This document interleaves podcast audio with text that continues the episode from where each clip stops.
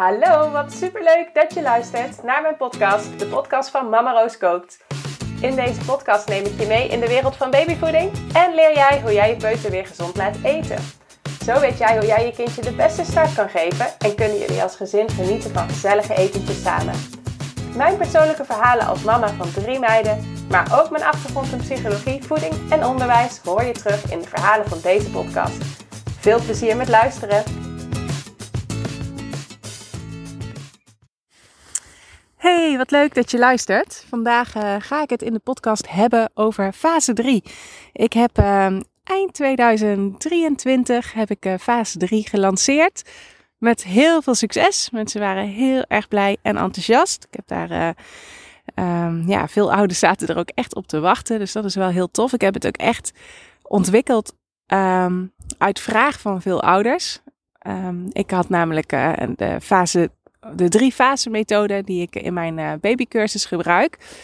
Um, waarbij in fase 1 gaat het echt om pure smaken leren kennen. Dus in elke fase staat er eigenlijk iets anders centraal. In fase 2 gaat het om de hapjes uitbreiden. En dan worden de hapjes ook echt belangrijk om wat um, ja, om uh, voedingsstoffen binnen te krijgen. Dus er komen ook heel veel nieuwe producten bij. En de, het smaakpalet wordt enorm uitgebreid. Ook met kruiden en met specerijen. En uh, in fase 3 gaat je baby richting met de pot mee eten. Um, nou had ik daar wel heel veel content voor, maar ik had er alleen nog geen eetschema voor. En dat eetschema, dat werd toch wel gemist, kreeg ik een paar keren uh, te horen. Dus ik kreeg echt van ouders de vraag van, nou, um, ik vind het zo fijn om met die schema's te werken en om gewoon niet meer na te hoeven denken en om lekker met jou um, ja, de receptenboeken, alles voor te bereiden, zodat je daarna alleen nog maar die hapjes op hoeft te warmen aan de hand van het schema. Maar zo'n schema had ik dus nog niet van fase 3. Dus veel ouders die hadden fase 1 gevolgd, dan fase 2 en uh, fase 2 soms zelfs twee keer, want het is een wat langere fase, dus dan kun je het schema gewoon twee keer volgen. En daarna liepen ze een beetje vast. Ik had wel een combinatieboek hoe je zelf de beste of de lekkerste hapjes combineert. Um, Alleen er zat dus niet een soort van systeem bij dat je alles goed voorbereidt. En waardoor je eigenlijk maar heel weinig tijd kwijt bent met die hapjes. Dus nou, die vraag die kreeg ik vaak. Dus ik dacht, nou, dat ga ik inderdaad ontwikkelen. Ook super leuk om weer te doen. Dus ik ben weer echt heel veel de keuken ingegaan. Weer gaan experimenteren. Allerlei hapjes weer ontwikkeld. Uh, ik heb uh, de vriezer ook weer vol met blokjes liggen. Um, tot grote ergernis van mijn vriend, want het neemt best wel wat ruimte in, zoveel als ik heb gemaakt. Maar ik vind het echt uh, heel leuk ook om er weer zo lekker mee bezig te zijn. Maar um, in fase 3 um, gaat er, uh, gaan de maaltijden, dus je hebt eigenlijk twee soorten maaltijden. Je hebt gepureerde maaltijden, maar je hebt ook maaltijden waarbij je babytje echt al met de pot mee gaat eten. En het grote verschil tussen fase 2 en fase 3 is dat je in fase 2 um, ook wel gaat starten met stukjes. Want het is gewoon belangrijk dat je babytje ook uh, stukjes leert eten. Dus je gaat ook af en toe uh, een stukje geven. Maar eigenlijk is de hoofdmaaltijd altijd het gepureerde hapje. En daarnaast krijgt je kindje dan ook gewoon af en toe een stukje. Bijvoorbeeld een stukje uh, ja, het kan met heel veel verschillende producten. Maar bijvoorbeeld een roosje bloemkool werkt heel goed als het goed gaar is. Of broccoli werkt ook heel goed.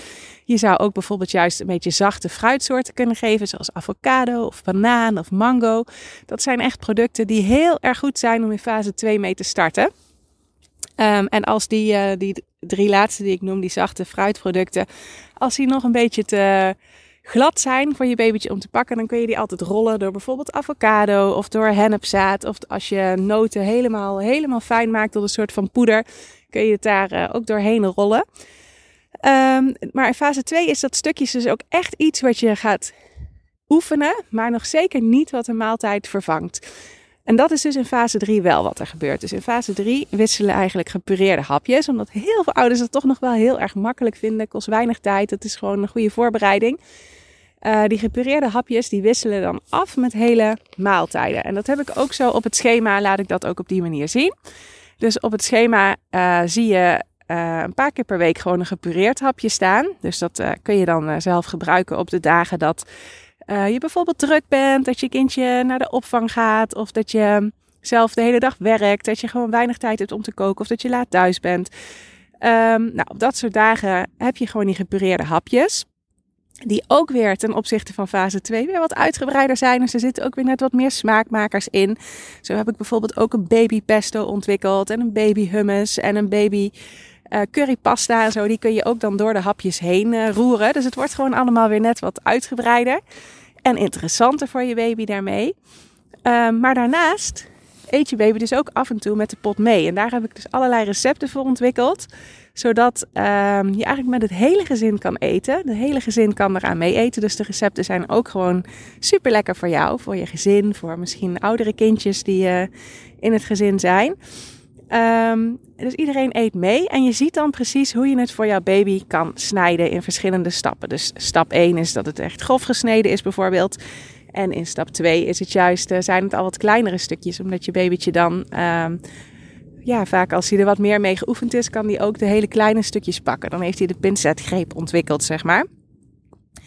Nou, ik vond het echt super leuk om het te ontwikkelen. Ik heb ook al heel veel toffe reacties gehad van mensen die er weer enorm mee geholpen zijn. En dat geeft mij dan weer een heel goed gevoel. Dat is ook zeker waar ik het, uh, waar ik het voor doe. Ik word er altijd heel erg blij van als ik weer uh, dat soort reacties terug hoor. Want um, ja, ik heb ook uh, veel wat ik doe is online. En dat vind ik ook echt super leuk. Ik heb ook bijvoorbeeld via Instagram echt wel veel contact met mensen en zo. En dat vind ik wel heel fijn. Maar het is ook ja, het is wel heel veel online. Ik zie heel weinig van mijn klanten. Af en toe uh, spreek ik uh, wel uh, mensen wat uitgebreider natuurlijk.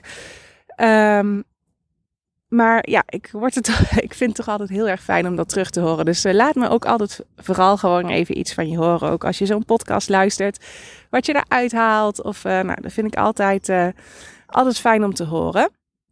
Ja, en wat verder heel leuk is bij fase 3, is dat je echt helemaal richting met die pot mee eten gaat. Dus het doel is ook dat als je klaar bent met fase 3, dat je babytje gewoon mee eet met jullie. Um, en dat je niet meer apart voor je baby hoeft te koken. En ergens is dat natuurlijk heel erg wennen, want je bent zo gewend geraakt in dat eerste jaar om je babytje de hele tijd iets anders te geven. En om zo ontzettend bezig te zijn met uh, ja, het ritme van je kleintje. En nou ja, goed, dat is nog steeds natuurlijk mega belangrijk. Je zult nog steeds uh, continu met slaapjes bezig zijn. En je kindje heeft gewoon een veel kleiner maagje dan dat je zelf hebt. Dus wellicht eet je zelf bijvoorbeeld maar drie keer per dag of vier keer dat je een keer iets tussendoor pakt. Maar voor een babytje uh, en een klein kindje is dat vaak nog te weinig, omdat die daarmee niet genoeg energie binnen kan krijgen, omdat het maagje eigenlijk gewoon nog heel klein is. Um, ja, dus nou, dat is in ieder geval, uh, zul je daar gewoon nog steeds wel veel mee bezig zijn. Maar het doel is wel dat als je klaar bent met fase 3, dat je niet meer apart hoeft te gaan koken. En dat is natuurlijk wel echt mega relaxed. Dat gaat je weer veel uh, tijd en aandacht schelen. Uh, waar je wel bijvoorbeeld rekening mee moet houden, is dat als je dan gaat koken voor jullie gezin, um, dat je geen zout gebruikt als je kookt. Nou, wat uh, wij heel vaak deden, is gewoon zout daarna op tafel zetten, zodat je toch nog wat uh, op die manier nog wat smaak toe kan voegen. Of sambal zetten wij ook vaak op tafel van die uh, chili poeder of zo. Om nog dingetjes net een beetje um, ja, te kruiden. Wat de kinderen niet lekker vinden. Of mosterd doet het ook altijd goed. Bijvoorbeeld bij een stampotje. Um, dus op die manier ja, pas je eigenlijk zo jouw kookkunsten aan. Dat het voor het hele gezin geschikt is. En je zal ook echt nog wel eens meemaken dat je dingetjes net een beetje anders moet snijden. Uh, voor je kindje, omdat het gewoon nog bijvoorbeeld te moeilijk is om anders uh, te pakken. En sommige producten zijn sowieso echt nog niet uh, geschikt om te geven aan je kleintje. Dus bijvoorbeeld, nou, even een voorbeeldje, noten of zo zijn heel erg hard. En dat wordt echt nog wel afgeraden om te geven als je kindje net één is. Dus daar zul je altijd nog wel even op zoek gaan naar een alternatief. Dus dat je bijvoorbeeld een notenpasta toevoegt in plaats van de noot zelf. Maar in principe kun je gewoon, nadat je fase 3 hebt gevolgd, lekker met z'n allen aan tafel. En dat is echt mega fijn. Mega gezellig. Het is ook heel goed voor je kindje, omdat hij dan ziet dat jullie gewoon hetzelfde eten. Ik raad ook echt altijd wel aan om uh, meerdere malen per week zeker samen met elkaar aan tafel te zitten. Want een kindje leert ook gewoon heel erg veel van zien zien wat jullie doen. Misschien uh, zijn er wel grotere broers of zussen in het gezin. Daar leert hij ook mega veel van als hij daarnaar uh, kan kijken. Dan hoop ik dat je een, een goed voorbeeld hebt. Want als er een grote broer of zus is die heel moeilijk eet, kan het juist ook averechts werken. Dus dan Ehm, ja, dat is dan weer jammer. Maar in principe uh, leert je kindje gewoon heel veel ook door te kijken. Door hoe jullie met het eten omgaan. Dus wees ook positief als je eet. Maak er een fijn uh, momentje van. En die sfeer aan tafel, die is ook mega belangrijk. Kijk of je bijvoorbeeld um, uh, ja, even iets van een rustmomentje in kan lassen voordat je echt gaat starten met het eten. Wat wij nou tegenwoordig bijvoorbeeld doen, dat komt van mijn broertje af. Die kwam laatst uh, met zijn gezin naar Nederland, die woont in Berlijn. Toen gingen we met z'n allen eten en uh, zij deden dan voor het eten, deden zij dan uh, met z'n allen een hand vasthouden, zeg maar, dat ze een soort van kringetje maakten. En dan zeiden ze, niet vergeten smakelijk eten. nou, dat vonden de kinderen helemaal leuk, dus dat doen wij nou tegenwoordig ook. Um, maar zoiets, zeg maar een soort van ritueeltje, voordat je aan tafel gaat dat werkt soms wel heel erg fijn. Om even echt het moment van eten te starten, zeg maar. Uh, of een moment stilte kan natuurlijk ook. Soms is dat um, ja, ook juist heel fijn om eventjes weer tot jezelf te komen. Tot um, ja, dat er even weer rust terugkeert. En het is misschien ook niet altijd nodig, maar ik merk bijvoorbeeld bij onszelf thuis. Als de kinderen naar de BSO en naar de pompoen, of uh, nou ja, ik zeg de pompoen, zo heet het bij ons. Uh, nou snap je meteen waarom ik die heb gekozen, die opvang. Want uh, die naam, daar word ik natuurlijk helemaal blij van. Um, en hij is daarnaast ook echt fantastisch, vind ik. Maar als de kinderen dus daar naartoe zijn geweest, naar de BSO en naar de kinderopvang, dan is er zoveel onrust als ze thuiskomen.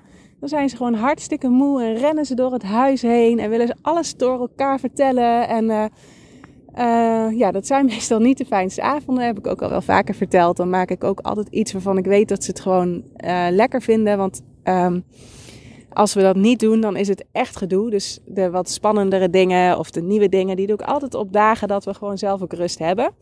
Maar op zo'n woensdag, als ze daar naartoe zijn geweest, dan doen we echt soms eventjes gewoon een moment, bijvoorbeeld even vijf keer ademhalen uh, voordat we gaan eten of zo. Gewoon om even die rust in jezelf weer te krijgen. Um, dat kan echt zoveel betekenen. Of we steken even een kaarsje aan. Dat het net, uh, ja, dan maak je het op die manier natuurlijk ook gezellig. De kinderen vinden dat ook gewoon heel erg fijn als dat uh, gebeurt. Als er zo even aandacht is voor de sfeer. Maar zoiets kan ook een soort van ja, rust even brengen. Dat je met rust die gaat starten met het, met het eten. Dat doet heel veel, heel veel goeds, vaak voor de sfeer. Je eventjes weer uit uh, het, de waan van de dag komt. Nou, dat wou ik eigenlijk even met je delen over fase 3. Dus ehm, nou, wat het grote verschil is met fase 2 ook, dat, ehm, dat er ook echt hele maaltijden komen die de hapjes gaan vervangen. Dus de gepureerde hapjes moet ik dan zeggen. Dus het wisselt elkaar af. Daarnaast maak je natuurlijk nog steeds die voorbereiding dat je zo super handig daar weer mee aan de slag kan.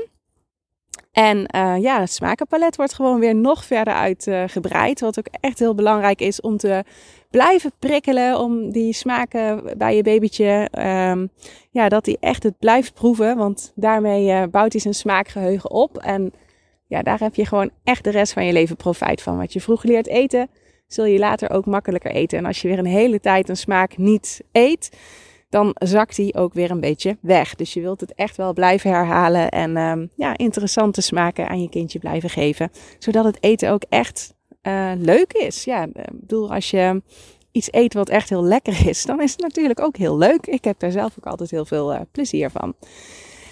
Um, nou, tot zover. Dankjewel uh, dat je weer hebt geluisterd en tot de volgende. Doei doei!